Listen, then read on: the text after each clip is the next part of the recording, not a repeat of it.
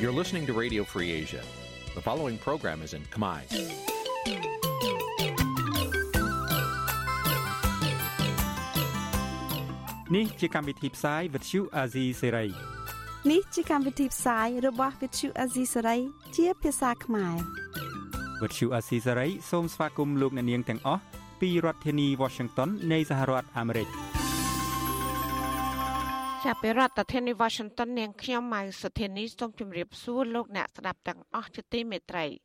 ចាយើងខ្ញុំសូមជូនការផ្សាយសម្រាប់ព្រឹកថ្ងៃអាទិត្យ4កើតខែមករាឆ្នាំខាលចត្វាស័កពុទ្ធសករាជ2566ហើយដល់ត្រូវនឹងថ្ងៃទី27ខែវិច្ឆិកាគ្រិស្តសករាជ2022ជាដំបូងនេះសូមអញ្ជើញលោកអ្នកនាងកញ្ញាស្ដាប់ព័ត៌មានប្រចាំថ្ងៃដែលមានមេត្តាដូចតទៅ។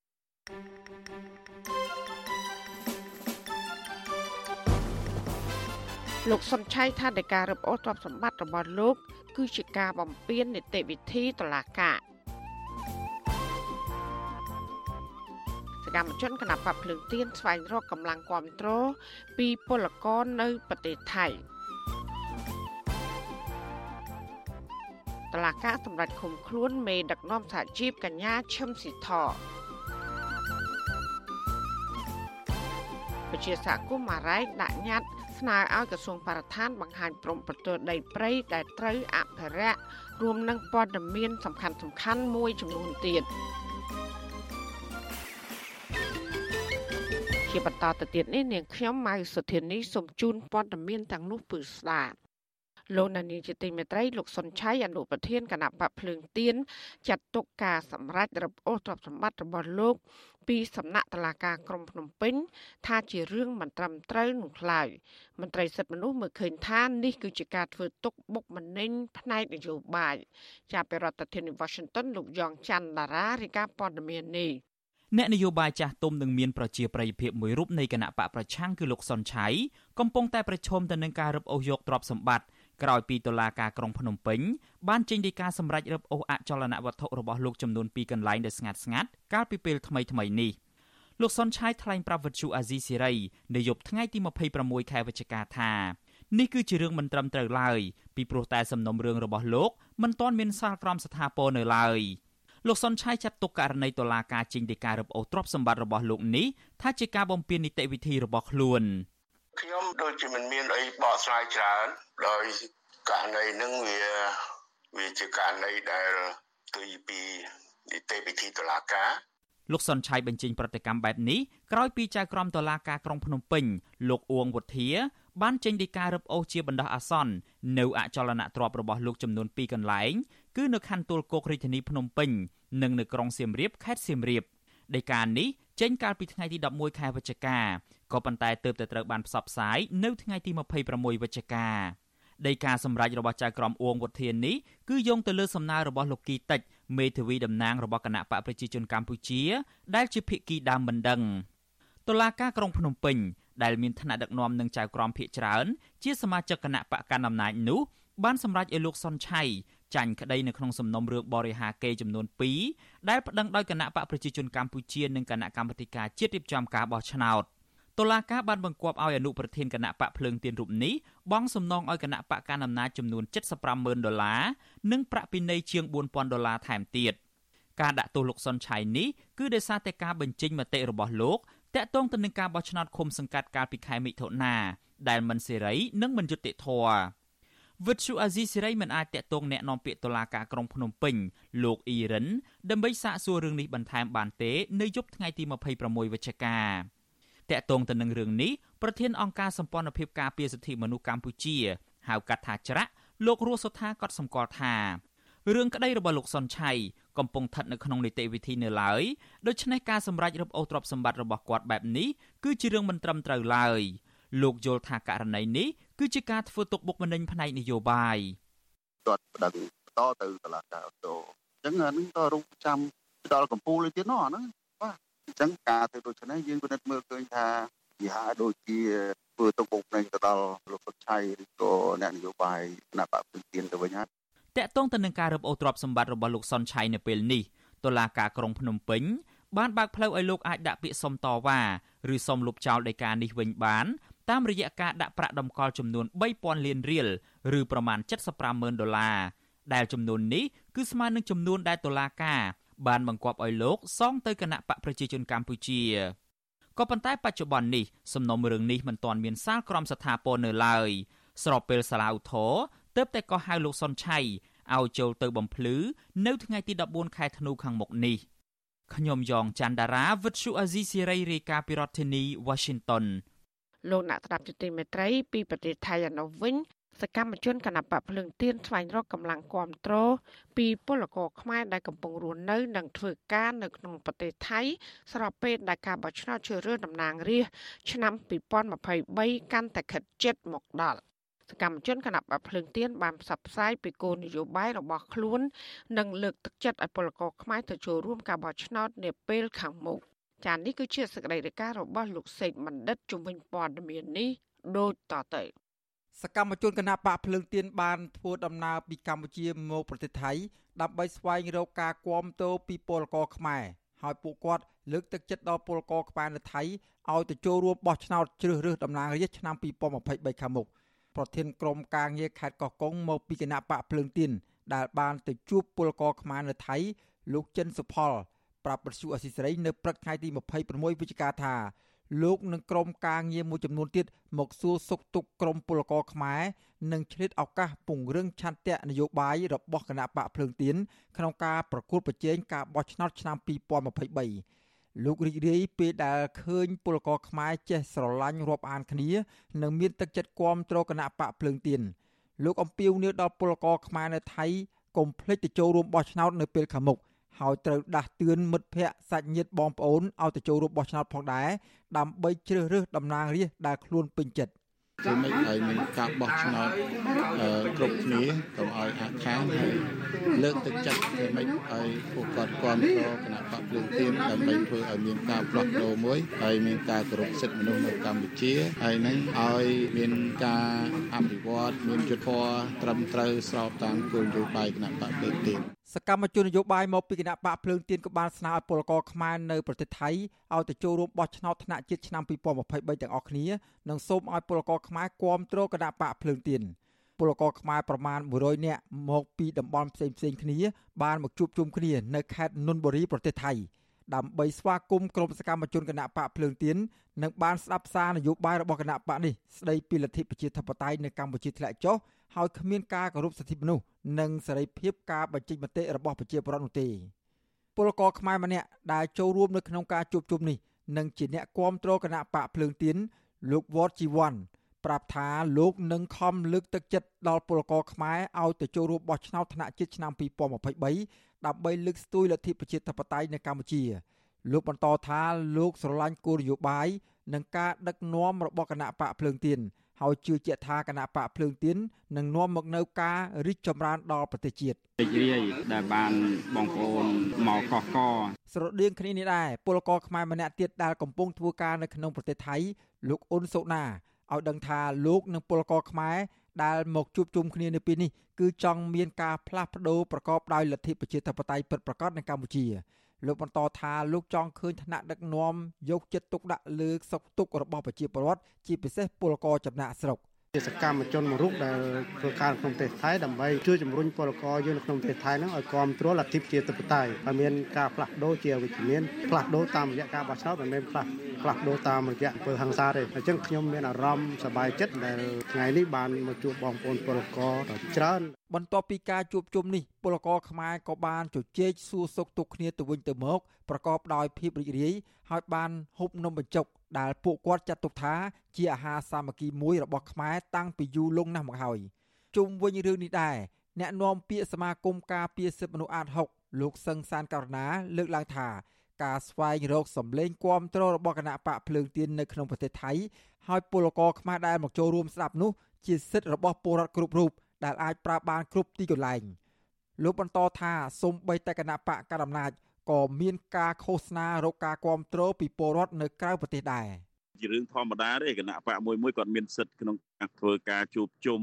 ការគៀងគរការគ្រប់គ្រងណាអាហ្នឹងវាវាជាសេរីភាពរបស់ពួកគាត់ហើយក្នុងប្រទេសក្រៅប្រទេសទោះបីតែគណៈបកកាន់អំណាចនាពេលបច្ចុប្បន្នក៏គាត់ស្វាស្វែងរកការគ្រប់គ្រងពីក្រៅប្រទេសដែរទោះបីថានៅក្នុងប្រទេសគាត់មានអ្នកគ្រប់គ្រងហើយឈ្នះឆ្នោតក្នុងការដឹកនាំប្រទេសហើយក៏ដោយអាហ្នឹងវាជាសិទ្ធិសេរីភាពរបស់គណៈបកនយោបាយមួយមួយណាបាទ សកម្មជនគណៈបកសង្គ្រោះជាតិដែលកំពុងរស់នៅភៀសខ្លួននៅក្នុងប្រទេសថៃមានចំនួនជិត40នាក់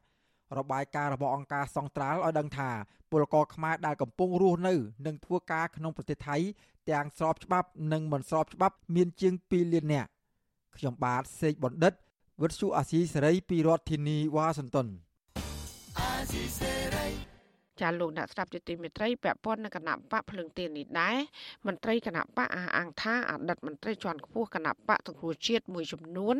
បានប្រកាសវិលចូលឆាកនយោបាយវិញដើម្បីស្ដារប្រជាធិបតេយ្យនិងយុត្តិធម៌សង្គម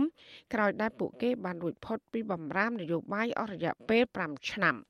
មន្ត្រីជាន់ខ្ពស់រដ្ឋាភិបាលអះអាងថាគណៈបកកាន់អំណាចមិនបារម្ភអំពីកម្លាំងនៃការរួបរวมរបស់គណៈបកភ្លើងទៀន សម្រាប់ការបោះឆ្នោតនាពេលខាងមុខនោះឡើយចាលោកជាតិចំណានរាយការណ៍ព័ត៌មាននេះគណៈបកភ្លើងទៀន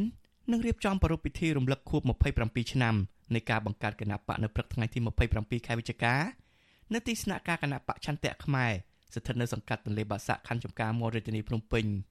ទន្ទឹមនឹងនេះគណៈបកភ្លើងទៀនក៏ត្រៀមប្រកាសសមាជិកអតីតមន្ត្រីជាន់ខ្ពស់គណៈបកសង្គ្រោះជាតិមួយចំនួនដែលរួចផុតពីបម្រាមនយោបាយរយៈពេល5ឆ្នាំ ហើយបន្តចូលរួមធ្វើសកម្មភាពនយោបាយជាថ្មីជាមួយគណៈបកភ្លើងទៀន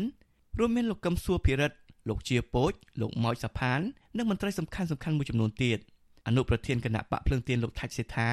ប្រាប់វិសុអេស៊ីស្រីនៅថ្ងៃទី26ខែវិច្ឆិកាថាអតីតមន្ត្រីគណៈបកសង្គ្រោះជាតិជាច្រើនអ្នកដែលធ្លាប់តស៊ូក្នុងឆាកនយោបាយកម្ពុជានិងទទួលបានការគាំទ្រពីពលរដ្ឋនៅតាមមូលដ្ឋានបានសម្រេចចូលរួមជីវភាពនយោបាយជាមួយគណៈបកភ្លើងទៀនជាបន្តបន្ទាប់ លោកបញ្ជាក់ថាការត្រឡប់ចូលប្រឡូកក្នុងនយោបាយឡើងវិញនេះដោយសារតែពួកគាត់មើលឃើញថាគណៈបកភ្លើងទៀននៅតែរក្សាជំហរស្មារតីដើមក្នុងការតស៊ូដោយសន្តិវិធីឲ្យមានការផ្លាស់ប្ដូរជាវិជ្ជមានតាមបែបប្រជាធិបតេយ្យលោកថាច់សេថាជឿជាក់ថាសន្ទុះនៃនិន្នាការបែបនេះនឹងធ្វើឲ្យគណៈបករបស់លោកកាន់តែរឹងមាំនិងបង្កើនជំនឿដល់ពលរដ្ឋបន្ថែមទៀតសម្រាប់ការប្រកួតប្រជែងជាមួយបកកណ្ដាលអំណាចនៅក្នុងការបោះឆ្នោតឆ្នាំ2023ខាងមុខនេះ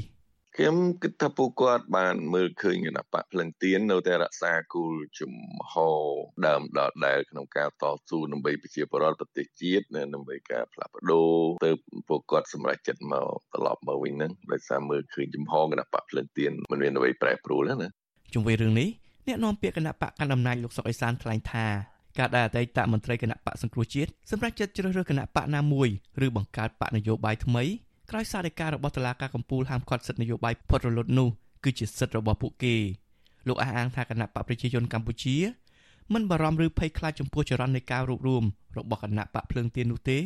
ហើយបកលោក ស្វាគមន៍ការប្រកួតប្រជែងសម្រាប់ការបោះឆ្នោតខាងមុខនេះបើយើងគួតប្រជែងតែចំណាប់បានតូចតាចឬមួយទុនខ្សោយហើយយកមកប្រកួតជាមួយយើងដល់ជាជំនះរបស់យើងក៏វាមិនមានអត្តន័យលេចធ្លោដែរទេបាទអញ្ចឹងយើងស្វាគមន៍ចំពោះគណៈបកណាដែលថាខ្លួននឹងមានសក្តានុពលហើយមានអធិពលខ្លាំងនៅក្នុងសង្គមកម្ពុជាអានឹងយើងស្វាគមន៍ហើយបាទអត់មានជារ៉េឬមួយក៏អត់មានអអន្តពុនចិត្តអីទេឬមួយក៏អត់មានភ័យខ្លាច សាស្ត្រាចារ្យផ្នែកវិទ្យាសាស្ត្រនយោបាយនិងកិច្ចការអន្តរជាតិលោកអែមសវណ្ណារាមានប្រសាសន៍ថាទោះបីជាមន្ត្រីបកប្រឆាំងរួចផុតបំរាមសិទ្ធិនយោបាយរបស់តុលាការកំពូលក្តីតែលោកមើលឃើញថាពួកគេនៅតែរងនូវភាពអយុត្តិធម៌ស្របពេលដែលបរិយាកាសនយោបាយបច្ចុប្បន្នរដ្ឋាភិបាលមិនបានបង្ហាញសញ្ញានៃការបើកលំហសេរីភាពពលរដ្ឋនិងនយោបាយនៅមុនការបោះឆ្នោតឆ្នាំ2023ឲ្យបានប្រសើរតបតាមអនុសាសន៍របស់សហគមន៍ជាតិនិងអន្តរជាតិនៅឡើយទេទោះជាយ៉ាងណាក្តី អ្នកជំនាញផ្នែកនយោបាយរូបនេះយល់ថាមន្ត្រីដែលប្រកាសចូលរួមសកម្មភាពនយោបាយជាមួយបកភ្លើងទៀននៅពេលនេះនឹងទទួលបានការចាប់អារម្មណ៍ពីមហាជននិងជាសារប្រាប់ដល់ពលរដ្ឋឲ្យដឹងថាគណៈបកក្រៅរដ្ឋាភិបាលកំពុងធ្វើសកម្មភាពយ៉ាងសកម្មឡើងវិញការចូលរួមរបស់សកម្មជនគណៈបកក្រៅរដ្ឋាភិបាលឬការតែគណៈបកភ្លើងទៀននេះជាសកម្មភាពមួយសកម្មធ្វើមានការចាប់អារម្មណ៍ជាចរន្តនយោបាយមួយខ្លាំង ក៏ប៉ុន្តែវាមិនទាន់ជាចរន្តមួយបង្ហាញថានឹងបើកលំហសេរីភាពនយោបាយខ្លាំងទេលុះត្រាតែគោលការណ៍ច្បាប់មួយចំនួនដែលរដ្ឋបတ်ដោយសេរីភាពលុះត្រាតែការគម្រាមកំហែងផ្សេងផ្សេងត្រូវបានលុបបំបាត់ឬកាត់បន្ថយនោះគឺគេហៅថាលំហសេរីភាពមានដោយបច្ចុប្បន្ននេះគ្រាន់តែសកម្មភាពនយោបាយមានប៉ុន្តែលំហសេរីភាពមិនទាន់បានទូលាយរដ្ឋាភិបាលលោកហ៊ុនសែនបានរំលាយគណៈបកសង្គ្រោះជាតិដែលមានអ្នកគ្រប់គ្រងចិត្តពាក់កណ្ដាលប្រទេសកាលពីខែវិច្ឆិកាឆ្នាំ2017 និងបានបំបិទសិទ្ធិថ្នាក់ដឹកនាំគណៈបកប្រឆាំងចំនួន118នាក់មិនឲ្យធ្វើនយោបាយរយៈពេល5ឆ្នាំព្រមទាំងដកហូតយកអាសនៈពីថ្នាក់មូលដ្ឋានរហូតដល់ថ្នាក់ជាតិរបស់គណៈបកសង្គ្រោះជាតិជាង5000នាក់ទៅចែកគ្នាកាន់កាប់កាលពីថ្ងៃទី16ខែវិច្ឆិកាឆ្នាំ2022គឺជាខួប5ឆ្នាំនៃការរំលាយគណៈបកសង្គ្រោះជាតិហើយក៏ជាថ្ងៃដែលអតីតមន្ត្រីជាន់ខ្ពស់ទាំង118រូបនៃគណៈបកសង្គ្រោះជាតិរួចផុតពីបំរាមធ្វើនយោបាយទោះជាយ៉ាងណានៅមានថ្នាក់ដឹកនាំដទៃទៀត រួមមានលោកសំរងស៊ីអ្នកស្រីមូសុខួរលោកអេងឆៃអៀងនិងមន្ត្រីសំខាន់សំខាន់មួយចំនួនទៀតក្នុងចំណោម113នាក់មិនអាចវិលត្រឡប់ទៅចូលរួមនយោបាយនៅកម្ពុជាវិញបាននៅឡើយទេដោយសារតែនៅជាប់ទោសទណ្ឌនិងជាប់បណ្ដឹងពីតុលាការក្នុងសំណុំរឿងផ្សេងផ្សេងគ្នាគណៈបកភ្លឹងទៀនដែលទទួលបានសម្លេងឆ្នោតលំដាប់ទី2បន្ទាប់ពីគណៈបកអនុអំណាចក្នុងការបោះឆ្នោតគុំសង្កាត់អាណត្តិទី5ថ្មីថ្មីនេះក៏ប្រកាសស្វាគមន៍ដល់អ្នកស្នេហាជាតិអ្នកស្រឡាញ់ប្រជាធិបតេយ្យឲ្យមកចូលរួមជាមួយគណៈបកភ្លើងទៀន ដើម្បីជាកម្លាំងចលករប្រជាធិបតេយ្យដ៏ធំមួយឈានទៅរកជ័យជំនះក្នុងការបោះឆ្នោតជ្រើសតាំងតំណាងរាស្ត្រអាណត្តិទី7ឆ្នាំ2023ខាងមុខខ្ញុំបាទជាចំណាន Visual Assisray ពីរដ្ឋធានី Washington ចាលោកនាងជាទីមេត្រីវិទ្យុអសីស្រីផ្សាយតាមរលកធាតុអាកាសខ្លីឬ short wave តាមកម្រិតនិងកម្ពស់ដូចតទៅ ចាប់ពេលព្រឹកចាប់ពីម៉ោង5កន្លះដល់ម៉ោង6កន្លះតាមរយៈរលកធាតុអាកាសខ្លី9390 kHz ស្មើនឹងកម្ពស់ 32m និង11850 kHz ស្មើនឹងកម្ពស់ 25m ចាសម្រាប់ពេលយប់ចាប់ពីម៉ោង7កន្លះដល់ម៉ោង8កន្លះគឺតាមរយៈរលកធាតុអាកាសខ្លី9390 kHz ស្មើនឹងកម្ពស់ 32m 15155 kHz ស្មើនឹងកម្ពស់ 20m និង11885 kHz ស្មើនឹងកម្ពស់ 20m ចាសសូមអរគុណ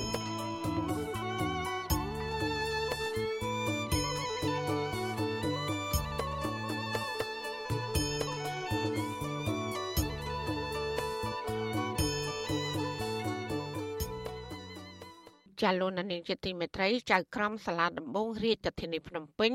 សម្រាប់បញ្ជូនខ្លួនប្រធានសហជីពក្រុមហ៊ុន Casino Naga World កញ្ញាឈឹមស៊ីធទៅឃុំខ្លួនក្នុងពន្ធនាគារប្រៃសណម៉ូ2កាលពីល្ងាចថ្ងៃទី26ខែវិច្ឆិកាក្រោយពីបានសាកសួររយៈពេលខ្លី សមត្ថកិច្ចបានចាប់ខ្លួនកញ្ញាឡើងវិញ នៅឯពលានចន្ទអន្តរជាតិភ្នំពេញក្រោយដែលកញ្ញាវិលត្រឡប់ចូលរួមកិច្ចប្រជុំនៅប្រទេសអូស្ត្រាលីដោយបានចោទប្រកាន់ថាស្ត្រីមេដឹកនាំសហជីពរូបនេះបានគេចវេះពីការត្រួតពិនិត្យរបស់តុលាការមន្ត្រីសង្គមស៊ីវិលរិះគន់ចំណាត់ការរបស់តុលាការថាជាការធ្វើទុកបុកម្នេញលើសកម្មជនសហជីពចាសសូមលោកនាងស្ដាប់សេចក្តីរាយការណ៍ពិស្ដារអំពីរឿងនេះរបស់លោកថាថៃដូចតទៅ សមត្ថកិច្ចទទួលបន្ទុកផ្នែកសន្តិសុខនិងផ្នែកអន្តរប្រវេសន៍បានឃាត់ខ្លួនប្រធានសហជីពក្រុមហ៊ុន Nagawal កញ្ញាឈឹមស៊ីធនៅប្រលានយន្តហោះអន្តរជាតិភ្នំពេញកាលពីព្រឹកថ្ងៃទី26ខែវិច្ឆិកាក្រោយពេលកញ្ញាធ្វើដំណើរត្រឡប់ពីប្រទេសអូស្ត្រាលីចូលមកកម្ពុជាវិញក្រោយការឃាត់ខ្លួនសមត្ថកិច្ចបានបញ្ជូនកញ្ញាឈឹមស៊ីធពីប្រលានយន្តហោះអន្តរជាតិភ្នំពេញទៅកាន់សាលាដំបងរាជធានីភ្នំពេញដើម្បីប្រគល់ឲ្យចៅក្រមសាកស៊ូពាក់ព័ន្ធនឹងការចោទប្រកាន់ថាមេដឹកនាំសហជីពរូបនេះ មិនបានគោរពតាមបំរាមរបស់តុលាការក្រោយដោះលែងឲ្យនៅក្រៅពន្ធនាគារបណ្ដោះអាសន្ននាពេលកន្លងមកអ្នកនាំពាក្យស្នងការដ្ឋាននគរបាលក្រុងភ្នំពេញលោកសានសុកសីហាឲ្យវិទ្យុអាស៊ីសេរីដឹងថាការខាត់ខ្លួនកញ្ញាឈឹមស៊ីធគឺអនុវត្តតាមដីការបស់តុលាការលោកឲ្យដឹងទៀតថាចៅក្រមសាកសួរនៃសាលាដំបងរាជធានីភ្នំពេញបានចោទប្រកាន់កញ្ញាឈឹមស៊ីធថាមិនបានអនុវត្តតាមសេចក្តីសម្រេចរបស់តុលាការចុះកាលពីថ្ងៃទី14ខែមិនិនា លោកបន្តទៀតថាដីកានោះបានដាក់ឲ្យកញ្ញាឈឹមស៊ីធស្ថិតក្នុងការត្រួតពិនិត្យរបស់តុលាការហើយប្រសិនបើតុលាការមិនអនុញ្ញាតឲ្យកញ្ញាឈឹមស៊ីធចេញក្រៅប្រទេសគឺមិនអាចចាក់ចេញបានទេអ្នកនាំពាក្យប៉ូលីសក្រុងភ្នំពេញរូបនេះថាក្រោយការខាត់ខ្លួនរួចហើយតុលាការចាត់ការបែបណាជាឆន្ទានុសិទ្ធិរបស់តុលាការ ធម្មតាយើងអនុវត្តតាមដីកាតែខាត់ខ្លួនភ្លាមយើងបញ្ជូនទៅតុលាការបាទអឺវាមិនមែនជាការបំផិតបំភ័យឬការអីគ្រាន់តែជាការអនុវត្តតាមនីតិវិធីច្បាប់ព្រោះប្រទេសណាដូចប្រទេសតាដែរគឺគេមានអញ្ចឹងការអនុវត្តផុសតុលាការគឺជាឆានសិទ្ធិរបស់តុលាការហើយគេគេអនុវត្តតាមច្បាប់ត្រឹមត្រូវមិនមានអ្វីដែលលើសពីគោលការណ៍ច្បាប់ទេតកតងរឿងនេះវិទ្យុអាស៊ីសេរីមិនអាចសុំការបញ្ជាក់បន្ថែមពីប្រធានលេខាធិការដ្ឋានសាលាដំបងរាជធានីភ្នំពេញលោកអ៊ីរិនបានទេនៅថ្ងៃទី26ខែវិច្ឆិកា ចំណែកអ្នកនាំពាក្យអគ្គនាយកដ្ឋានពន្ធនាគារនៃក្រសួងមហាផ្ទៃលោកនុតសវណ្ណាក៏មិនអាចសុំការបញ្ជាក់បានដែរនៅថ្ងៃដដែលនេះក៏ប៉ុន្តែនាយកទទួលបន្ទុកកិច្ចការទូតនៃអង្គការលីកាដូលោកអំសំអាតដែលតាមដានរឿងនេះប្រាប់វិទ្យុអាស៊ីសេរីថាតុលាការបានសម្រេចឃុំខ្លួនកញ្ញាឈឹមស៊ីធដាក់ពន្ធនាគារហើយនៅល្ងាចថ្ងៃទី26ខែវិច្ឆិកាក៏ប៉ុន្តែលោកមិនទាន់ដឹងថាតុលាការចោទប្រកាន់ពីបទអ្វីនោះទេទោះជាយ៉ាងណាក្រុមអ្នកការពារសិទ្ធិមនុស្សរិះគន់ថា ការចាប់ខ្លួនឡើងវិញនិងឃុំខ្លួនភ្លាមភ្លាមនេះគឺជាការគំរាមកំហែងនិងបំផិតបំភ័យថ្មីមួយទៀតលើមេដឹកនាំសហជីពក្រុមហ៊ុន Nagavel ពួកគេលើកឡើងថាកញ្ញាឈឹមស៊ីធគ្មានចេតនាកិច្ចវេះមិនអនុវត្តតាមបំរាមរបស់តុលាការនោះទេនាយកទទួលបន្ទុកកិច្ចការទូតទៅនៃអង្គការលេខកដោលោកអំសំអាតយល់ថាការខាត់ខ្លួននេះជាការគំរាមនិងជាការបំផិតបំភ័យថ្មីមួយទៀតលើមេដឹកនាំសហជីពនិងបុគ្គលិក Nagavel ដែលកំពុងទាមទារដំណោះស្រាយការងារ លោកបន្តថាកាលពីសមត្ថកិច្ចដោះលែងកញ្ញាឈឹមស៊ីធគឺកញ្ញាឈឹមស៊ីធមិនបានផ្តិតមេដាយលើលក្ខខណ្ឌដែលតុលាការហាមឃាត់នោះទេលោកបន្តថាក្នុងករណីកញ្ញាឈឹមស៊ីធមិនបានផ្តិតមេដាយមានន័យថាកញ្ញាឈឹមស៊ីធមិនបានដឹងពីបំរាមរបស់តុលាការហើយតុលាការក៏មិនគូយកបញ្ហានេះមកចោទប្រកាន់កញ្ញាឈឹមស៊ីធដែរ គឺការបំបាក់ស្មារតីនិងគម្រាមកំហែងទៅដល់បុគ្គលិកនិងអតីតបុគ្គលិកនៃការវិលដែលកំពុងធ្វើកោតកម្មទាក់ទងនឹងរឿងទាមទារវិវាទការងារហើយបញ្ហាវិវាទការងារមិនត្រូវបានដោះស្រាយប៉ុន្តែដំណោះស្រាយដែលឆ្លើយតបបែរជាការចាប់ខ្លួនការខាត់ខ្លួនឬក៏ការកោះហៅនិងការចោទប្រកាន់ជាបន្តបន្ទាប់ទៅវិញស្រដៀងគ្នានេះដែរទីប្រឹក្សាសមាគមគ្រូបង្រៀនកម្ពុជាឯករាជ្យនិងជាប្រធានសហភាពសហជីពកម្ពុជាលោករងឈុនរិះគន់ថា ការចាប់ឃុំខ្លួនកញ្ញាឈឹមស៊ីធឡើងវិញនេះមិនសមហេតុផលនោះទេលោកបន្តថាបើសិនជនណាម្នាក់ជាប់បំរាមតុលាការនៅពេលពួកគេចេញក្រៅប្រទេសនោះសមត្ថកិច្ចមិនអនុញ្ញាតឲ្យចាក់ចេញពីកម្ពុជាតាំងពីដំបូងក៏ប៉ុន្តែលោកថាករណីកញ្ញាឈឹមស៊ីធគឺសមត្ថកិច្ចឲ្យចាក់ចេញក្រៅប្រទេសរួចហើយក៏ប៉ុន្តែបែរជាខាត់ខ្លួនពេលត្រឡប់ចូលកម្ពុជាវិញលោកបន្តថាករណីនេះធ្វើឲ្យសហគមន៍អន្តរជាតិមើលមករដ្ឋាភិបាលថាប្រើប្រាស់ប្រព័ន្ធតុលាការគៀបសង្កត់លើសកម្មជនសហជីព ជាទង្វើផ្កើនបាទផ្កើនការស្នើរបស់អគ្គលេខាធិការអង្គការសហប្រជាជាតិក៏ដូចជាការផ្កើនទៅនឹងគេថាការស្នើសុំរបស់ប្រធានាធិបតីសហរដ្ឋអាមេរិកតែការប្រជុំមកប្រជុំអាស៊ានអានឹងវាអត់មានផលចំណេញសម្រាប់កម្ពុជាយើងទេធ្វើឲ្យកម្ពុជាយើងនឹងខាត់បងនឹងបាត់បង់ GSP បាត់បង់ EBA រហូតនឹងទទួលតនកម្មផ្សេងផ្សេងទៀតបាទ ប្រធានសហជីពក្រុមហ៊ុន Nagavel កញ្ញាឈឹមស៊ីធបានទៅចូលរួមប្រជុំជាមួយក្រុមសហជីពជាច្រើនរូបទៀតក្នុងកម្មវិធីសមាជសហភាពសហជីពអន្តរជាតិនៅប្រទេសអូស្ត្រាលីកាលពីពេលថ្មីៗនេះសមត្ថកិច្ចបានឃាត់ខ្លួនកញ្ញានៅប្រលានយន្តហោះអន្តរជាតិភ្នំពេញកាលពីព្រឹកថ្ងៃទី26ខែវិច្ឆិកាពេលកញ្ញាឈឹមស៊ីធធ្វើដំណើរពីប្រទេសអូស្ត្រាលីចូលទៅប្រទេសកម្ពុជាមន្ត្រីសហជីពមួយចំនួនដែលចូលរួមសមាជសហភាពសហជីពអន្តរជាតិនៅប្រទេសអូស្ត្រាលីដែរនោះ ឲ្យវិទ្យុអាស៊ីសេរីដឹងថាកញ្ញាឈឹមស៊ីធបានលើកឡើងពីករណីរំលោភសិទ្ធិការងារនិងសិទ្ធិសហជីពនៅក្រុមហ៊ុន Nagavel ដោយថាកាយក្រុមហ៊ុនបនលបៃមួយនេះគ្មានចេតនាដោះស្រាយចំនួនការងារដែលអូសបន្លាយជាច្រើនខែមកនេះទេពួកគេឲ្យដឹងទៀតថាសហភាពសហជីពអន្តរជាតិបានចាប់អារម្មណ៍បញ្ហាដែលកញ្ញាឈឹមស៊ីធលើកឡើងនិងបានសន្យាថានឹងលើកឡើងពីបញ្ហាទាំងនេះស្នើទៅភាគីពាក់ព័ន្ធដើម្បីជួយរកដំណោះស្រាយ បុគ្គលិកក្រុមហ៊ុន Nagavel ដែលកំពុងទាមទារដំណោះស្រាយការងារគឺអ្នកនាងមុំសវត្ថិនយល់ថាការចាប់ខ្លួនកញ្ញាឈឹមស៊ីថពេលនេះដើម្បីបំបាក់ស្មារតីនិងទឹកចិត្តក្រុមកោតក្រក៏ប៉ុន្តែទោះជាយ៉ាងណាស្ត្រីកោតក្ររូបនេះអះអាងថាកញ្ញាមិនខ្លាចញញើតក្នុងការទាមទាររកដំណោះស្រាយឡើយចាវាអាចជារូបភាពគម្រាមកំហែងទៅដល់អ្នកតវ៉ាដែលកំពុងតវ៉ាហ្នឹងឲ្យមានការភ័យខ្លាច នៅពេលដែលឃើញតំណាងត្រូវចូលគុកបែបនេះអញ្ចឹងណាបងប៉ុន្តែចំហរបស់កោតកោមិនមែនក្រោមបញ្ជារបស់បងស្រីទេមិនមែនក្រោមបញ្ជារបស់បងស៊ីថទេគឺការធ្វើកោតកម្មនេះគឺស្ម័គ្រចិត្តចេញពីបុគ្គលម្នាក់ម្នាក់ចេញពីកោតកោម្នាក់ម្នាក់អញ្ចឹងទោះជាតឡាការប្រើប្រព័ន្ធតឡាការនេះដើម្បីបំបែកកោតកម្មនេះគឺវាអត់អាចទៅរួចទេសាលាដំបងរាជធានីភ្នំពេញធ្លាប់បានចាប់ឃុំខ្លួនកញ្ញាឈឹមស៊ីធរួមជាមួយថ្នាក់ដឹកនាំនិងសកម្មជនសហជីព10នាក់ទៀត ដាក់ពន្ធនាគារជាបន្តបន្ទាប់កាលពីដើមឆ្នាំ2022ដោយចោទប្រកាន់ពីបទញុះញង់និងល្មើសច្បាប់ COVID-19 នៅពេលពួកគេប្រើប្រាស់សិទ្ធិស្របច្បាប់ធ្វើកុតកម្មអហិង្សាទាមទារដំណោះស្រាយវិវាទការងារទោះជាយ៉ាងណាក្រោយមានការរិះគន់ពីសហគមន៍ជាតិនិងអន្តរជាតិតុលាការក្រុងភ្នំពេញបានសម្រេចដោះលែងកញ្ញាឈឹមស៊ីថនិងអ្នកផ្សេងទៀតឲ្យនៅក្រៅឃុំបណ្ដោះអាសន្នក៏ប៉ុន្តែត្រូវសន្យាមិនចូលរួមដឹកនាំការតវ៉ាសពថ្ងៃនេះគណៈវិវាទការងារមួយនេះកំពុងបន្តអូសបន្លាយពេល តំណាងសហជីពនិងក្រុមបុគ្គលិកក្រុមហ៊ុន Nagavel មួយចំនួនក៏កំពុងជាប់ក្តីក្តាំនៅតុលាការដោយសារក្រុមហ៊ុនប្តឹងនិងត្រូវបានតុលាការក្រុងភ្នំពេញក៏ហៅឲ្យចូលបំភ្លឺជាញឹកញាប់មន្ត្រីសង្គមស៊ីវិលជំរុញទៅក្រសួងការងារនិងភាគីតកែក្រុមហ៊ុនឲ្យពន្លឿនដោះស្រាយវិវាទការងារនេះឲ្យបានឆាប់និងកុំប្រើប្រាស់ប្រព័ន្ធតុលាការគៀបសង្កត់សិទ្ធិសហជីពនិងបុគ្គលិកដែលទាមទារដំណោះស្រាយវិវាទការងារខ្ញុំថាថៃពីទីក្រុងមែលប៊ន លោកដានៀងកញ្ញាកំពុងស្ដាប់ការផ្សាយរបស់វិទ្យុអសីស្រីផ្សាយចេញពីរដ្ឋធានី Washington មន្ត្រីសង្គមស៊ីវិលនិងអ្នកសិក្សាផ្នែកច្បាប់សំណុំពររដ្ឋាភិបាលឲ្យកែលម្អនិងលើកកម្ពស់ប្រព័ន្ធយុតិធធសង្គមជំនួសឲ្យការដំឡើងឋានន្តរស័ក្តិមន្ត្រីតុលាការពួកគេថារដ្ឋាភិបាលគួរផ្ដល់អំណាចដល់ស្ថាប័នតុលាការឲ្យមានឯករាជ្យភាពនិងលុបបំបាត់ការសូកប៉ាន់ចាលោកយុនសមៀនរាយការណ៍ព័ត៌មាននេះ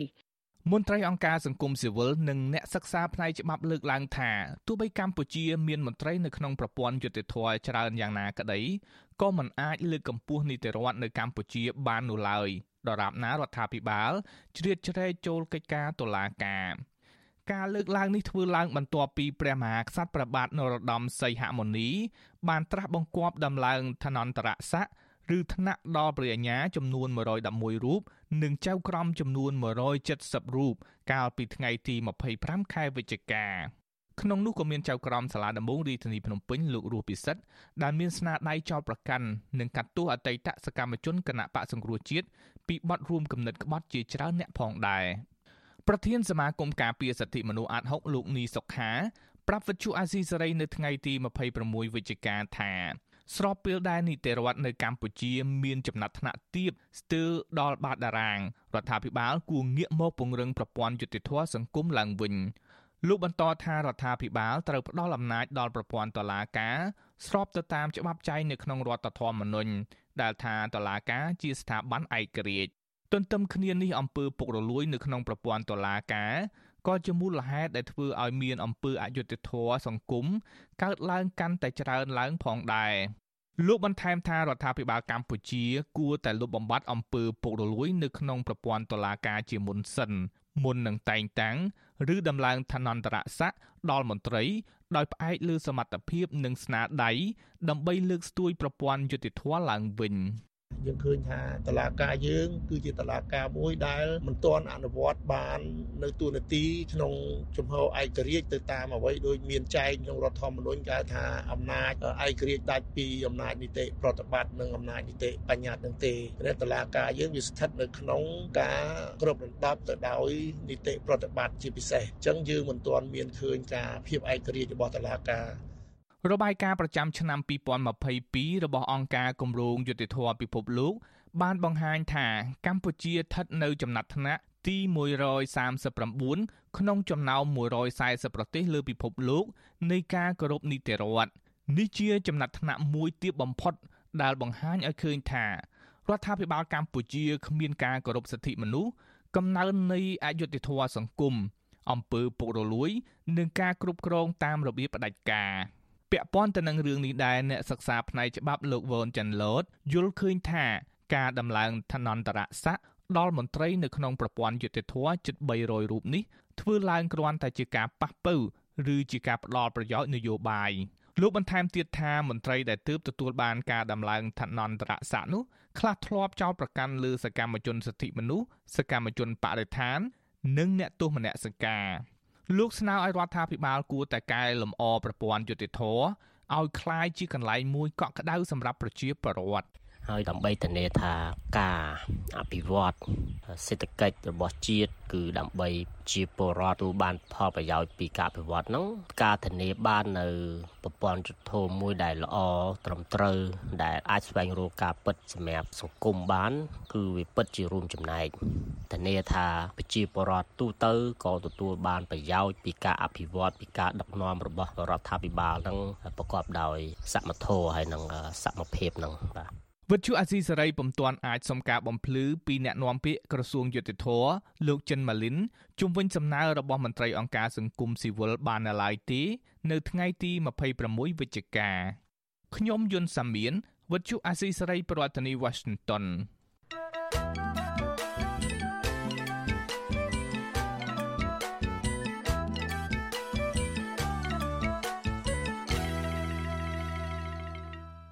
លោកនាងកញ្ញាកំពុងស្ដាប់ការផ្សាយរបស់វិទ្យុអសីស្រីផ្សាយចេញពីរដ្ឋធានី Washington ចាប់ពាក់ព័ន្ធនឹងថាវិការជាតិវិញមន្ត្រីសង្គមស៊ីវិលនិងមន្ត្រីគណៈបកភ្លើងទៀនជំរុញដល់រដ្ឋាភិបាលយកសេចក្តីព្រាងច្បាប់ថាវិការជាតិឆ្នាំ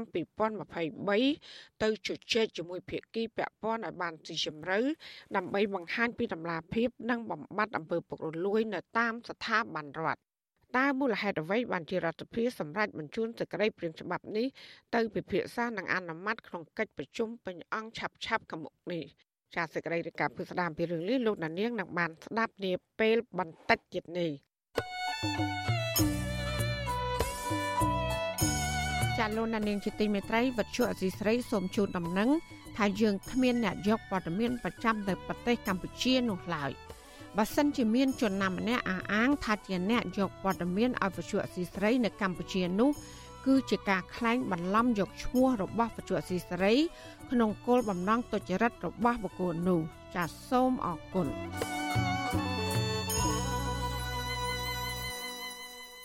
លោកនានីជាទីមេត្រីជាប្រជាសហគមន៍ក្នុងតំបន់អរ៉ែងជាមួយក្រុមយុវជនករណីអរ៉ែងនិងក្រុមយុវជនខ្មែរថាវរៈ បានរួមគ្នាដាក់ញត្តិស្នើសុំឲ្យមន្ទីរបរិស្ថាន បង្ហាញព្រំប្រទល់ដីដែលត្រូវកាត់ជ្រៀដើម្បីអភិរក្ស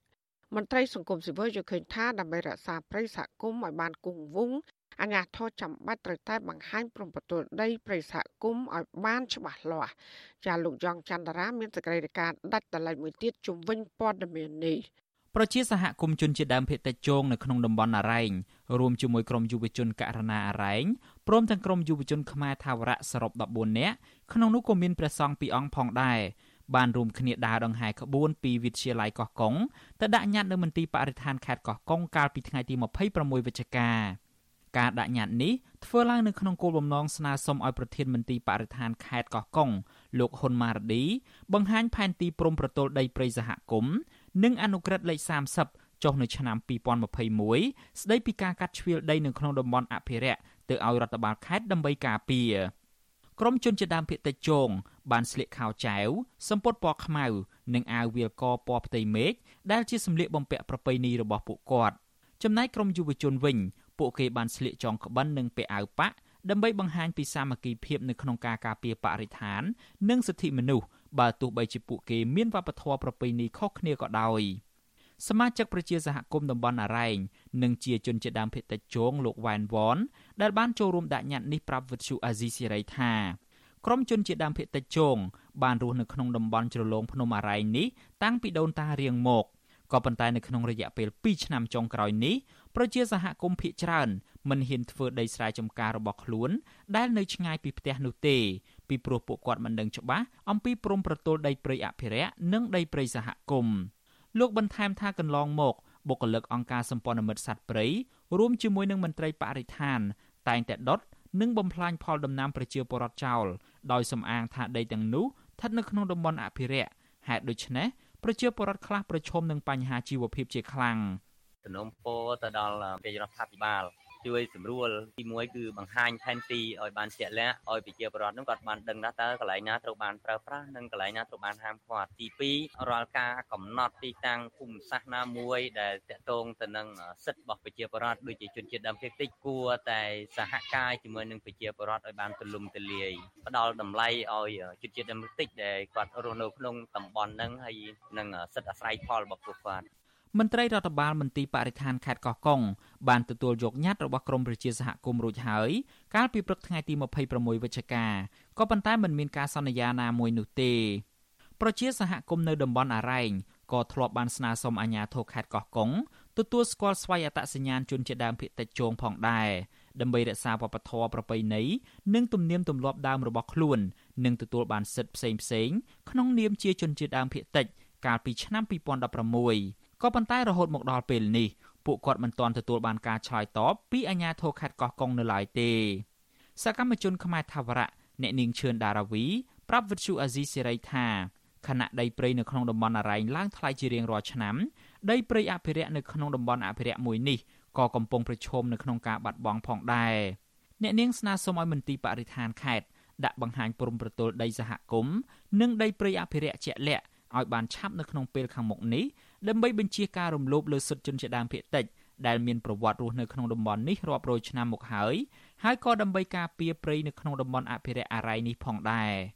ការការពីអភិរក្សតំបន់ព្រៃឈើនេះមិនមែនពឹងផ្អែកទាំងស្រុងទៅលើបរិស្ថានទេសហគមន៍ផ្ទាល់នេះគឺចង់ដឹងដើម្បីងាយស្រួលក្នុងការការពារ កុំឲ្យមានជនឆក់អាកាសហ្នឹងឆ្លៀតយកពេលដែលมันមានការបង្ហាញច្បាស់លាស់ហ្នឹងប្រើអំណាចឆ្លៀតទៅទន្ទ្រានព្រៃប៉ះពាល់ទាំងដីសហគមន៍ក៏ដូចជាដែនអភិរក្សអញ្ចឹងកាលពីខែតុលាកន្លងទៅដីព្រៃអភិរក្សស្ថិតនៅក្នុងតំបន់អរ៉ែងចំនួន5ហិកតាត្រូវបានគេកាប់ទន្ទ្រានធ្វើជាកម្មសិទ្ធិផ្ទាល់ខ្លួន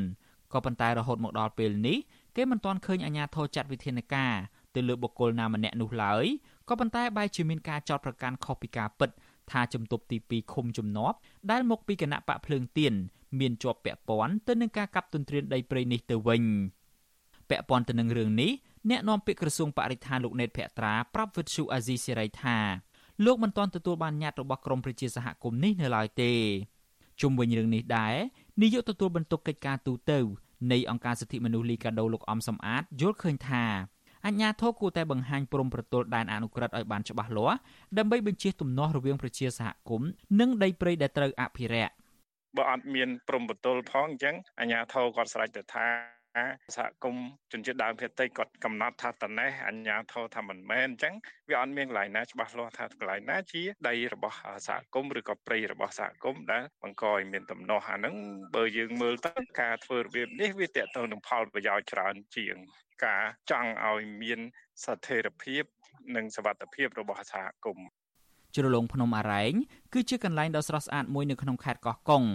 តំបន់នេះ ជាកន្លែងដែលជនជាតិដើមភាគតិចជងជាង1500នាក់កំពុងរស់នៅជាមួយនឹងបរិស្ថានធម្មជាតិដ៏ស្រស់បំព្រងតាមបណ្ដោយជ្រលងភ្នំដែលមានសត្វព្រៃកម្ររស់នៅជាច្រើនប្រភេទរួមមានសត្វក្រពើភ្នំ ត្រីនាគនិងដំរីព្រៃជាដើមក្រោយពីមានការអភិវឌ្ឍផ្លូវតភ្ជាប់ពីតំបន់អរ៉ែងទៅកាន់ស្រុកជីផាត់ខេត្តកោះកុងមកដីនៅក្នុងតំបន់នេះចាប់ផ្ដើមឡើងថ្លៃពីមួយឆ្នាំទៅមួយឆ្នាំក៏ប៉ុន្តែដីនៅក្នុងតំបន់នេះនៅមិនទាន់មានការកំណត់ព្រំប្រទល់ច្បាស់លាស់ រវាងដីប្រជាសហគមន៍និងដីព្រៃត្រូវអភិរក្សនោះទេ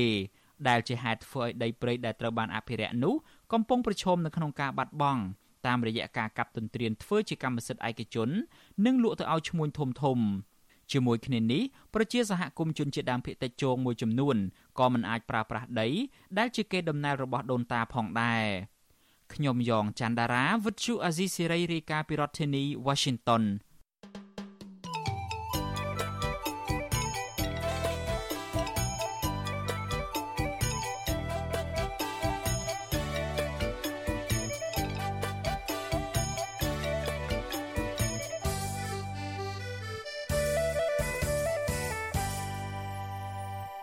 លោកដានីងជាទីមេត្រីលោកនាយករដ្ឋមន្ត្រីហ៊ុនសែនបានក្រើនរំលឹក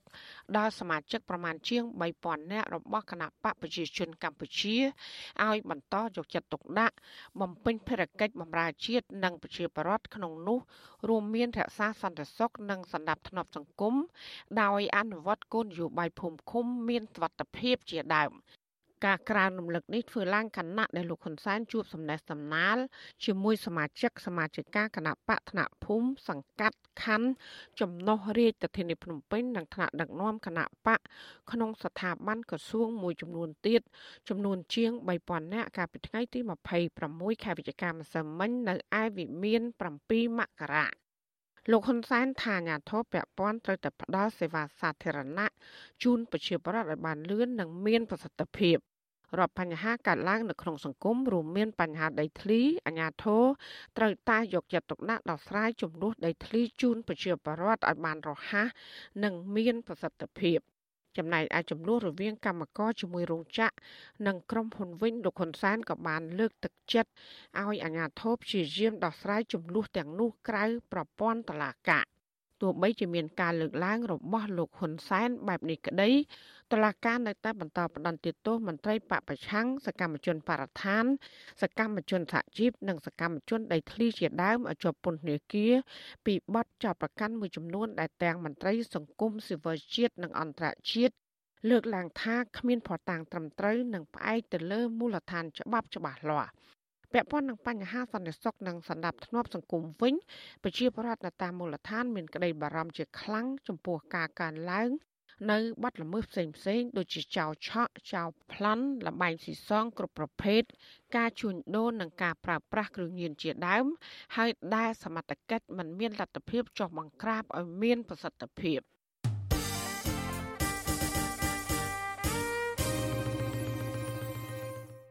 ចាលោកនានីជាទីមេត្រីកម្ពុជាស្នើមន្ត្រីអង្គការសហប្រជាជាតិ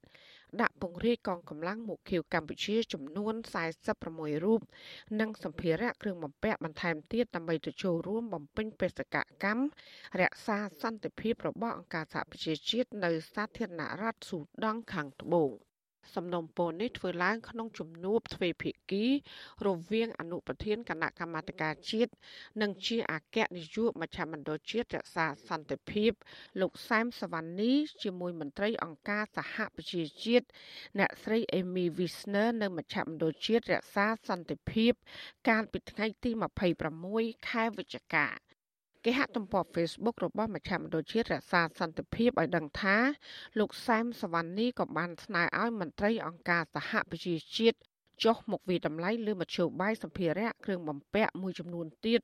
របស់កងកំទេចគ្រឿងផ្ទុះនៅសាធារណរដ្ឋម៉ាលីផងដែរ។ បន្ទាប់ពីបានជួបពិភាក្សាមកអ្នកស្រី Amy Wisner ក៏បានចុះទៅពិនិត្យការវឹកវើស្ពានបណ្ដែតទឹក របស់កងទ័ពមុខៀវកម្ពុជា និងសខាកាម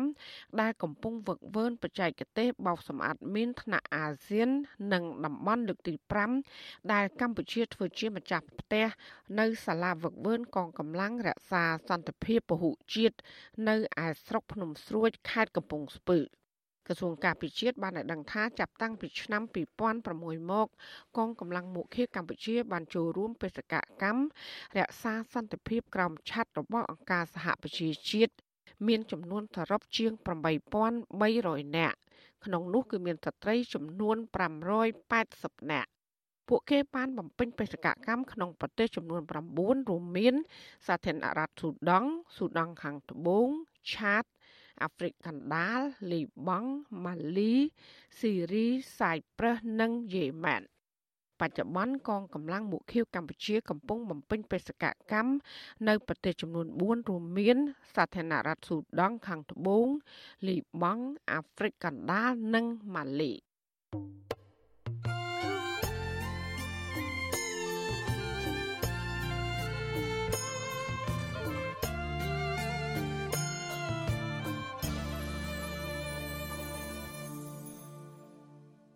ចាលោកអ្នកស្ដាប់ជាទីមេត្រីជុំវិញរឿងរ៉ាវបំណុលរបស់ពលរដ្ឋជាមួយនឹងធនាគារនិងគ្រឹះស្ថានមីក្រូហិរញ្ញវត្ថុវិញ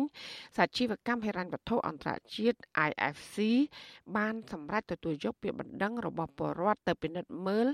និងស៊ើបអង្កេតឲ្យដែលពលរដ្ឋចាត់ប្រកាន់ថាគ្រឹះស្ថានមីក្រូហិរញ្ញវត្ថុនិងធនាគារចំនួន6នៅប្រទេសកម្ពុជា កំពុងរំលោភសិទ្ធិពលរដ្ឋដែលជាកូនបំណុល មន្ត្រីសង្គមស៊ីវិលរំពឹងថា IFC នឹងមានវិធានការលើស្ថាប័នផ្ដល់ប្រាក់កម្ចីទាំងនោះ ដើម្បីបញ្ចប់ការរំលោភបំពានសិទ្ធិរបស់ពលរដ្ឋចាលោកថាថៃមានសេចក្តីរាយការណ៍ពឹស្ដារមួយទៀតជុំវិញព័ត៌មាននេះដូចតទៅមន្ត្រីអង្គការសង្គមស៊ីវិលធ្វើការងារផ្នែកសិទ្ធិមនុស្សរំពឹងថាសាជីវកម្មហិរញ្ញវត្ថុអន្តរជាតិ IFC នឹងចាត់វិធានការដើម្បីទប់ស្កាត់ការរំលោភសិទ្ធិមនុស្សក្នុងវិស័យផ្ដល់ប្រាក់កម្ចីទោះ ជាយ៉ាងណាមន្ត្រីរដ្ឋាភិបាលចោទប្រកាន់ក្រមប្រជាពលរដ្ឋថាមមិនបានបំពេញកាតព្វកិច្ចក្នុងនាមជាកូនបំណុលទៅធនាគារនិងគ្រឹះស្ថានមីក្រូហិរញ្ញវត្ថុចាត់វិធានការលើពួកគេនាយកទទួលបន្ទុកកិច្ចការទូតនៃអង្គការលីកាដូលោកអំសំអាតសង្ឃឹមថាសាជីវកម្មហិរញ្ញវត្ថុអន្តរជាតិនឹងផ្ដល់ដំណោះស្រាយសមរម្យជូនប្រជាពលរដ្ឋដែលរងគ្រោះនិងរងផលប៉ះពាល់ដោយការផ្ដល់ប្រាក់កម្ចីពីធនាគារនិងគ្រឹះស្ថានមីក្រូហិរញ្ញវត្ថុនៅកម្ពុជាមន្ត្រីសិទ្ធិមនុស្សរូបនេះ ក៏ចង់ឃើញស្ថាប័នអន្តរជាតិ IFC មានវិធានការលើស្ថាប័នផ្ដល់ប្រាក់កម្ចីដើម្បីទប់ស្កាត់ការរំលោភបំពានលើពលរដ្ឋដែលខ្ចីលុយស្ថាប័នទាំងនោះ កន្លងមកគឺគេទុកពេលសម្រាប់ឲ្យភាគីដែលពាក់ព័ន្ធជាពិសេសខាងមីក្រូហិរញ្ញវត្ថុនិងនីតិមានការពាក់ព័ន្ធនឹងធ្វើការសម្របសម្រួលនិងដោះស្រាយគ្នាប៉ុន្តែឥឡូវចូលដល់នីតិវិធីទី2ហើយដែលសារមិនមានភាពជឿនលឿនទៅមុខគឺស្ថាប័នអនុឡោមសាជីវកម្មហិរញ្ញវត្ថុអន្តរជាតិនឹងចាប់ផ្ដើមពិនិត្យនិងធ្វើការស៊ើបអង្កេតទៅលើរឿងនឹងដើម្បីស្វែងរកដំណោះស្រាយ អង្គការលីកាដូឲ្យដឹងថាពេលនេះការិយាល័យភាពអនុលោមទីប្រឹក្សាដោះស្រាយវិវាទនៃសាជីវកម្មអន្តរជាតិបានសម្រេចត្រួតពិនិត្យអនុលោមភាពនៃបណ្ដឹងមីក្រូហិរញ្ញវត្ថុនៅកម្ពុជាសេចក្តីថ្លែងការណ៍អង្គការលីកាដូចុះកាលពីថ្ងៃទី15ខែវិច្ឆិកាឲ្យដឹងថាស្ថាប័នអន្តរជាតិមួយនេះនឹងចាត់វិធានការមួយដែលជាការគ្រប់គ្រងសិទ្ធិមនុស្សក្នុងវិស័យហិរញ្ញវត្ថុនេះនាយិកាទទួលបន្ទុកកិច្ចការក្រៅតំបន់នៃអង្គការលីកាដូអ្នកនាងណាលីពីលោកលើកឡើងក្នុងសេចក្តីថ្លែងការណ៍នោះដែរថា នេះជាដំណាក់កាលសំខាន់ដើម្បីឆ្ពោះទៅកាន់កណន័យភាពក្រោយមានគ្រឹះស្ថានមីក្រូហិរញ្ញវត្ថុនិងធនាគារបានរំលោភបំពានសិទ្ធិពលរដ្ឋជាច្រើនឆ្នាំមកនេះអ្នកនាងណាលីពីលោកបន្តថាប្រជាពលរដ្ឋអ្នកខ្ចីប្រាក់កំពុងរងគ្រោះរាល់ថ្ងៃដែលត្រូវបានគេរកឃើញថាមានការលក់ដីដោយសារការជំពាក់បំណុលកើនឡើងនៅរៀងរាល់16នាទីម្ដង អង្គការសម្ព័ន្ធខ្មែរជំរឿននឹងការពារសិទ្ធិមនុស្សហៅកាត់ថាលីកាដូនិងអង្គការសមត្ថៈកម្ពុជាកាលពីខែកុម្ភៈតំណាងឲ្យប្រជាពលរដ្ឋអ្នកខ្ចីប្រាក់ពីគ្រឹះស្ថានមីក្រូហិរញ្ញវត្ថុនិងធនាគារបានដាក់ពាក្យបណ្ដឹងទៅសាជីវកម្មហិរញ្ញវត្ថុអន្តរជាតិករណីរំលោភបំពានសិទ្ធិពលរដ្ឋជាកូនបំណុលពាក្យបណ្ដឹងនោះចោទប្រកាន់ថាគ្រឹះស្ថានមីក្រូហិរញ្ញវត្ថុនិងធនាគារចំនួន6បានរំលោភបំពានសិទ្ធិមនុស្សនិងការរំលោភបំពានលើបទដ្ឋានអនុវត្តស្តង់ដារលើប្រាក់កម្ចីឥណទានខ្នាតតូចនៅកម្ពុជា ស្ថាប័នទាំងនោះរួមមានធនាគារអេស៊ីលីដាធនាគារហាត់ថាធនាគារស្ថាបនាគ្រឹះស្ថានមីក្រូហិរញ្ញវត្ថុអមរិតគ្រឹះស្ថានមីក្រូហិរញ្ញវត្ថុ LOLC និងគ្រឹះស្ថានមីក្រូហិរញ្ញវត្ថុប្រាសាក់ស្ថាប័នទាំង6នេះរួមគ្នាកាន់កាប់ប្រាក់កម្ចីខ្នាតតូចទូទាំងប្រទេសប្រមាណ75%ជុំវិញរឿងនេះវិទ្យុអាស៊ីសេរីមិនអាចសុំការឆ្លើយតបពីប្រធាននាយកប្រតិបត្តិធនាគារអេស៊ីលីដាលោកអិនចាន់នី ដែលភាគីសំខាន់មួយក្នុងការចោតប្រកាន់នេះបានទេនៅថ្ងៃទី25ខែវិច្ឆិកាទោះជាយ៉ាងណាលោកអិនចាន់នីធ្លាប់អះអាងថាធនាគារអេស៊ីលីដារបស់លោកមានយន្តការការពារសិទ្ធិកូនបំណុលនិងមិនបានរំលោភបំពានសិទ្ធិកូនបំណុលដោយការចោតប្រកាន់ឡើយចំណែកអ្នកនាំពាក្យគណៈកម្មាធិការសិទ្ធិមនុស្សរបស់រដ្ឋាភិបាលលោកកតាអូនយល់ថាពាក្យបណ្ដឹងនេះនឹងមិនទទួលបានលទ្ធផលអ្វីទេព្រោះពលរដ្ឋប្តឹងខុសកន្លែង លោកបន្តថាករណីនេះពលរដ្ឋគូប្តឹងទៅស្ថាប័នពាក់ព័ន្ធក្នុងស្រុកឬតុលាការជាមុនសិនមុនប្តឹងទៅស្ថាប័នអន្តរជាតិមន្ត្រីរដ្ឋាភិបាលទទួលបន្ទុកផ្នែកសិទ្ធិមនុស្សរូបនេះថ្លែងការពីចំណាត់ការរបស់ធនាគារនិងគ្រឹះស្ថានមីក្រូហិរញ្ញវត្ថុថាក្នុងករណីពលរដ្ឋជាកូនបំណុលគ្មានលទ្ធភាពសងប្រាក់គឺស្ថាប័នហិរញ្ញវត្ថុមានសិទ្ធិរឹបអូសទ្រព្យបញ្ចាំរបស់កូនបំណុល ប្រជាពលរដ្ឋដែលជាកូនបំណុលមិនបំពេញកាតព្វកិច្ចផ្លូវច្បាប់វាជាករណីផ្លូវច្បាប់ពីព្រោះហេតុអីពេលណាដែលយើងធ្វើខុសគោលការណ៍នៃមីក្រូវត្ថុវាថាយើងមិនបំពេញកាតព្វកិច្ចនៅក្នុងការសមម្ចាស់ទាំងគោលការណ៍ច្បាប់គឺម្ចាស់ម្ដងអាចមានសិទ្ធិនៅក្នុងការទូទាត់ក្នុងការរឹបអូសក្នុងការប្តឹងដើម្បីរឹបអូសទ្រព្យបញ្ចាំលក់ណៃឡុងសមម្ចាស់ម្ដងវិញនេះជាគោលការណ៍ ទោះជាមន្ត្រីរដ្ឋាភិបាលអះអាងបែបនេះក្តីក៏លោកនាយរដ្ឋមន្ត្រីហ៊ុនសែនធ្លាប់លើកឡើងជាញឹកញយកាលពីមានការរីករាលដាលនៃជំងឺ Covid-19 ដោយលោកស្នើទៅធនាគារនិងគ្រឹះស្ថានមីក្រូហិរញ្ញវត្ថុគូមានការយោគយល់ដល់ពលរដ្ឋដែលសងប្រាក់មិនទាន់ពេលលើពីនេះបើទោះបីជាមានសំណើពីលោកហ៊ុនសែនបែបនេះក្តីពលរដ្ឋនិងអង្គការសង្គមស៊ីវិលលើកឡើងថាស្ថាប័នហិរញ្ញវត្ថុភាគច្រើនមិនបានយោគយល់ដល់ពលរដ្ឋដែលគ្មានលទ្ធភាពសងប្រាក់នោះទេពលរដ្ឋកូនបំណុលដែលប្តឹងទៅសាជីវកម្មហិរញ្ញវត្ថុអន្តរជាតិចោទប្រកាន់ថា ស្ថាប័នហិរញ្ញវត្ថុទាំង6បានរំលោភបំពានទៅលើពលកម្មកុមារការរំលោភសិទ្ធិដីធ្លីរបស់ជនជាតិដើមភាគតិចសុខភាពសុវត្ថិភាពនិងសន្តិសុខសហគមន៍លទ្ធកម្មដីធ្លីនិងការតាំងទីលំនៅថ្មីដោយមិនស្ម័គ្រចិត្តជាដើមអង្គការលីកាដូនិងអង្គការសមត្ថៈកម្ពុជារួមជាមួយអង្គការ FIAN នៃប្រទេសអាល្លឺម៉ង់បានចេញសេចក្តីថ្លែងការណ៍រួមគ្នាកាលពីខែកញ្ញាថាប្រជាពលរដ្ឋខ្មែរជាង160,000នាក់បានលក់ដីរបស់ខ្លួនដើម្បីសងប្រាក់ខ្លួនជំពាក់ របាយការណ៍នោះក៏បានបង្ហាញដែរថាអ្នកខ្ចីប្រាក់ជាច្រើនបានរងគ្រោះពីការរំលោភលើសិទ្ធិមនុស្សហើយពួកគេទាំងនោះជាញឹកញាប់ត្រូវកាត់បន្ថយការបរិភោគនិងបញ្ឈប់ការសិក្សារបស់កូនកូនហើយបង្ខំឲ្យទៅធ្វើការដើម្បីរកប្រាក់មកសងបំណុលធនាគារខ្ញុំថាថៃពីទីក្រុងមែលប៊ន thank you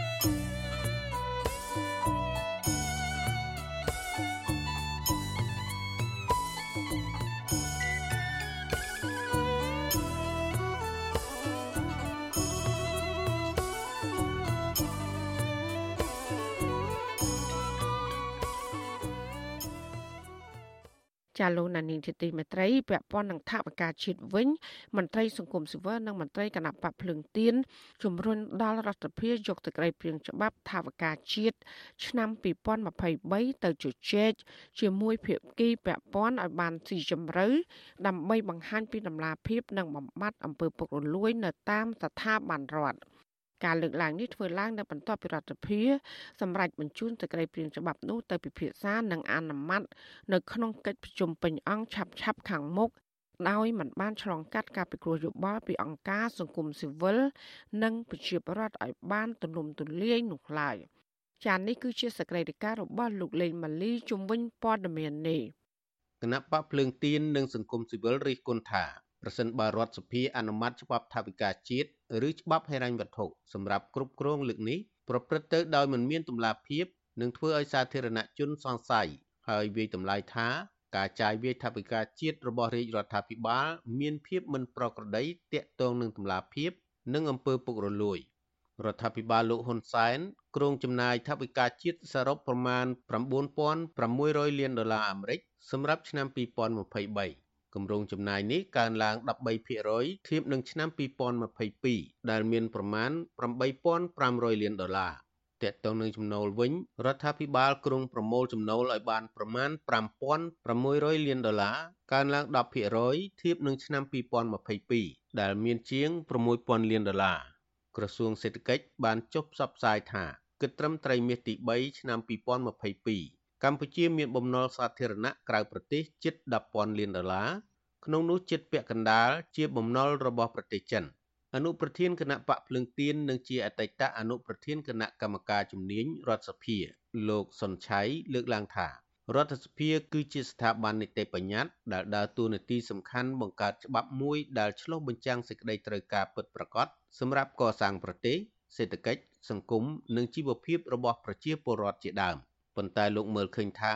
ការពិនិត្យនិងអនុម័តគម្រោងថវិកាជាតិប្រចាំឆ្នាំបានដំណើរការខុសឆ្គងជាបន្តបន្ទាប់ដោយសារតែរដ្ឋសភាមិនបានបើកចំហឲ្យទូលាយសម្រាប់ការចូលរួមផ្ដល់មតិយោបល់ពីភាគីពាក់ព័ន្ធឲ្យបានពេញលេញលើពីនេះទៀតលោកបន្តថាតំណាងរាស្ត្ររបស់គណៈបកកាន់អំណាចវិញអង្គុយចាំតែលើកដៃអនុម័តនិងប្រថាប់ត្រាដោយប្រញាប់ប្រញាល់តបតាមការស្នើសុំរបស់រដ្ឋាភិបាលដោយពុំមានសម្លេងជំទាស់ ឬជជែកសួរដេញដោលរកចំណុចខ្វះខាត យកទៅកែលម្អឲ្យប្រសើរនោះទេលោកអំពីវនីវដល់រដ្ឋសភាថាគួរតែពន្យាពេលកិច្ចប្រជុំអនុម័តលើសក្តីព្រៀងច្បាប់ថវិកានេះហើយអ្នកដឹកនាំត្រូវងាកមកស្ដាប់មតិយោបល់និងសំណើរបស់អាជ្ញាធរមូលដ្ឋាន សង្គមស៊ីវិលឲ្យបានគ្រប់ជ្រុងជ្រោយដើម្បីកុំឲ្យប៉ះពាល់ជោគវាសនានិងផលប្រយោជន៍ជាតិទៅថ្ងៃអនាគត។ មិនដឹងមិនយល់មិនបានចូលរួមគិតគូរអំពីការធ្វើច្បាប់ថាវិការនេះធ្វើឲ្យប្រទេសនោះវាមានការអនុវត្តអធិបតេយ្យតបតៃចង្អៀតចង្អល់ថាវិបាលនឹងគួរតែបញ្ជាការអនុម័តហើយធ្វើម៉េចរៀបចំមានឱកាសរៀបចំឡើងវិញឲ្យខាងមូលដ្ឋាននឹងមានការផ្ដល់មតិយោបល់ហើយឲ្យអង្គការសង្គមស៊ីវិលនឹងមានមតិយោបល់ដែរអំពីកត្តាចាំបាច់នៅក្នុងសង្គមដែលរដ្ឋាភិបាលត្រូវចំណាយពង្រីកខ្ទង់ចំណាយដើម្បីផលប្រយោជន៍សង្គមឲ្យជាដើមបាទ ប្រតិកម្មនេះកើតឡើងបន្ទាប់ពីរដ្ឋសភាបានសម្រេចបញ្ជូនសេចក្តីព្រាងច្បាប់ស្តីពីហិរញ្ញវត្ថុសម្រាប់គ្រប់គ្រងឆ្នាំ2023ដាក់ក្នុងរបៀបវិរៈសម័យប្រជុំពេញអង្គដើម្បីអនុម័តក្នុងពេលខាងមុខនេះអ្នកនាំពាក្យរដ្ឋសភាប្រាប់វិទ្យុអស៊ីសេរីថាចាប់តាំងពីរដ្ឋាភិបាលបញ្ជូនសេចក្តីព្រាងច្បាប់នោះមកដល់រដ្ឋសភារហូតមកដល់ពេលនេះអគ្គលេខាធិការដ្ឋានរបស់លោកមិនទទួលបានការណែនាំពីថ្នាក់លើឲ្យរៀបចំសិក្ខាសាលាពីគ្រោះយោបល់នោះទេ លោកបញ្ជាក់ថារដ្ឋសភាបានកំណត់យកថ្ងៃទី29ខែវិច្ឆិកាជាសម័យប្រជុំពេញអង្គដើម្បីពិភាក្សានិងអនុម័តបន្ទាប់ពីគណៈកម្មការចិនត្រៃនិងគណៈកម្មការជំនាញបានប្រជុំពិនិត្យនិងសិក្សារួចហើយនាពេលថ្មីៗនេះនឹងគឺថាក្រោយពីទទួលសេចក្តីព្រាងច្បាប់ហ្នឹងយើងអត់បានធ្វើការឆ្លើយទេប៉ុន្តែប្រហែលជាលោកណែបានពិគ្រោះយោបល់ជាមួយនឹងច្រើនច្រើនអង្គការច្រើនកន្លែងខ្ញុំក៏មិនដឹងដែរបាទ ស្រដៀងគ្នានេះដែរប្រធានមជ្ឈមណ្ឌលប្រជាពលរដ្ឋដើម្បីអភិវឌ្ឍនិងសន្តិភាពលោកយងកំឯងមានប្រសាសន៍ថារដ្ឋសភាមានសិទ្ធិត្រួតពិនិត្យនិងជជែកដេញដោលជំវិញខ្ទង់ចំណាយលើវិស័យអតិភិបព្រមទាំងតាមដានទៅលើការចំណាយថវិកាជាតិដើម្បីឲ្យមានតម្លាភាពនិងគណនេយ្យភាពទោះយ៉ាងណាក្តី លោកសោកស្ដាយដែលរដ្ឋសភាគ្រងយកសេចក្តីព្រាងច្បាប់ថវិកាជាតិឆ្នាំ2023ទៅអនុម័តដោយមិនបានឆ្លងកាត់ការពិគ្រោះយោបល់ពីគ្រប់ភាគីឲ្យបានស៊ីជម្រៅគណៈសង្គមស៊ីវិលនិងប្រជាពលរដ្ឋពិបាកស្វែងរកព័ត៌មានលម្អិតទាក់ទងនឹងផែនការថវិកាជាតិសភាតំណាងឲ្យប្រជាពលរដ្ឋដូច្នេះសភាគួរតែមានការជែកពិគ្រោះយោបល់អីមួយចំនួនជាមួយនៅប្រជាពលរដ្ឋមុននឹងខ្លួនធ្វើការសម្រេចចិត្តដើម្បីឲ្យសភាហ្នឹង កាន់តែមានភាពកក់ក្ដៅថែមទៀតនៅក្នុងការសម្រេចចិត្តទៅលើថវិកាជាតិហ្នឹងតែយើងមានការសោកស្ដាយដែរដែលរដ្ឋសភាលោកមិនបានធ្វើដូច្នោះហើយលោកគាត់ទៅទទួលសេចក្តីព្រាងច្បាប់ហ្នឹងទៅហើយយកទៅអនុម័តតែម្ដងបាទក្រុមអង្គការសង្គមស៊ីវិលសង្កេតឃើញថារដ្ឋាភិបាលនិងរដ្ឋសភា តែងតែអនុម័តច្បាប់ថវិកាជាតិដោយប្រញាប់និងមិនមានការចូលរួមបញ្ចេញមតិ ឲ្យយោបល់ពីសំណាក់សង្គមស៊ីវិលឬគណៈបកប្រឆាំងឡើយលើពីនេះរដ្ឋសភានិងព្រឹទ្ធសភាឯកបកតែងតែបន្តអនុម័តដោយមិនមានកែប្រែសំបីតែមួយតួអក្សរសង្គមស៊ីវិលនិយាយថាការប្រើប្រាស់ថវិកាជាតិនៅរយៈពេលជាច្រើនអាណត្តិមកនេះត្រូវបានសង្គមស៊ីវិលជាតិនិងអន្តរជាតិរកឃើញថា មានតម្លាភាពតិចតួចបំផុតលើពីនេះ ក្រុមអ្នកខ្លំមើលរឹតតែព្រួយបារម្ភថែមទៀតដោយសារតែដំណើរការរៀបចំនិងការអនុម័តច្បាប់ថវិកាជាតិប៉ុន្មានឆ្នាំចុងក្រោយនេះមានការចូលរួមមតិយោបល់តិចតួចពីក្រុមអង្គការសង្គមស៊ីវិលហើយធ្ងន់ធ្ងរជាងនេះទៀតគឺគ្មានវត្តមានតំណាងរាស្ត្រគណៈបកប្រឆាំងដើម្បីជជែកដេញដោលខ្ញុំបាទលេងម៉ាលីវិទ្យុអស៊ីសេរីពីរដ្ឋធានី Washington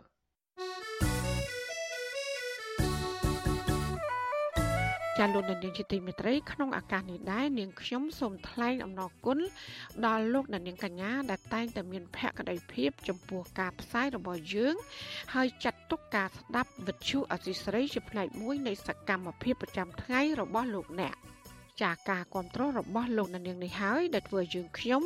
មានទឹកចិត្តកាន់តែខ្លាំងបន្ថែមទៀតក្នុងការស្វែងរក និងផ្តល់ព័ត៌មាន សម្រាប់ជូនលោកនាង ចាំមានអ្នកស្ដាប់និងអ្នកទស្សនាកាន់តែច្រើនកាន់តែធ្វើឲ្យយើងខ្ញុំមានភាពស្វាហាប់មោះមុតជាបន្តទៀតចាយើងខ្ញុំសូមអរគុណទុកជាមុនហើយក៏សូមអញ្ជើញលោកដានៀងកញ្ញាចូលរួមជំរុញសកម្មភាពផ្តល់ព័ត៌មានរបស់យើងនេះឲ្យកាន់តែបានជោគជ័យបន្ថែមទៀត។ ចាលោកណានៀងអាចជួយយើងខ្ញុំបានដោយគ្រាន់តែចុចចែករំលែកឬ share ការផ្សាយរបស់យើងខ្ញុំនៅលើបណ្ដាញសង្គម Facebook និង YouTube ទៅកាន់មិត្តភ័ក្តិរបស់លោកណានៀងដើម្បីឲ្យការផ្សាយរបស់យើង បានទៅដល់មនុស្សកាន់តែច្រើនចាសសូមអរគុណ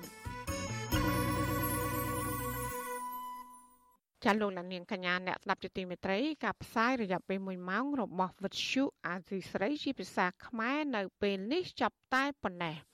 ចាយើងខ្ញុំទាំងអស់គ្នាសូមជូនពរលោកនាងនិងក្រុមគ្រួសារទាំងអស់សូមជួបប្រកបតែនឹងសេចក្តីសុខសេចក្តីចម្រើន ជានិរន្តរ៍ចានាងខ្ញុំម៉ៅសុធានីព្រមទាំងក្រុមការងារទាំងអស់របស់អសីស្រីសូមអរគុណនិងសូមជម្រាបលា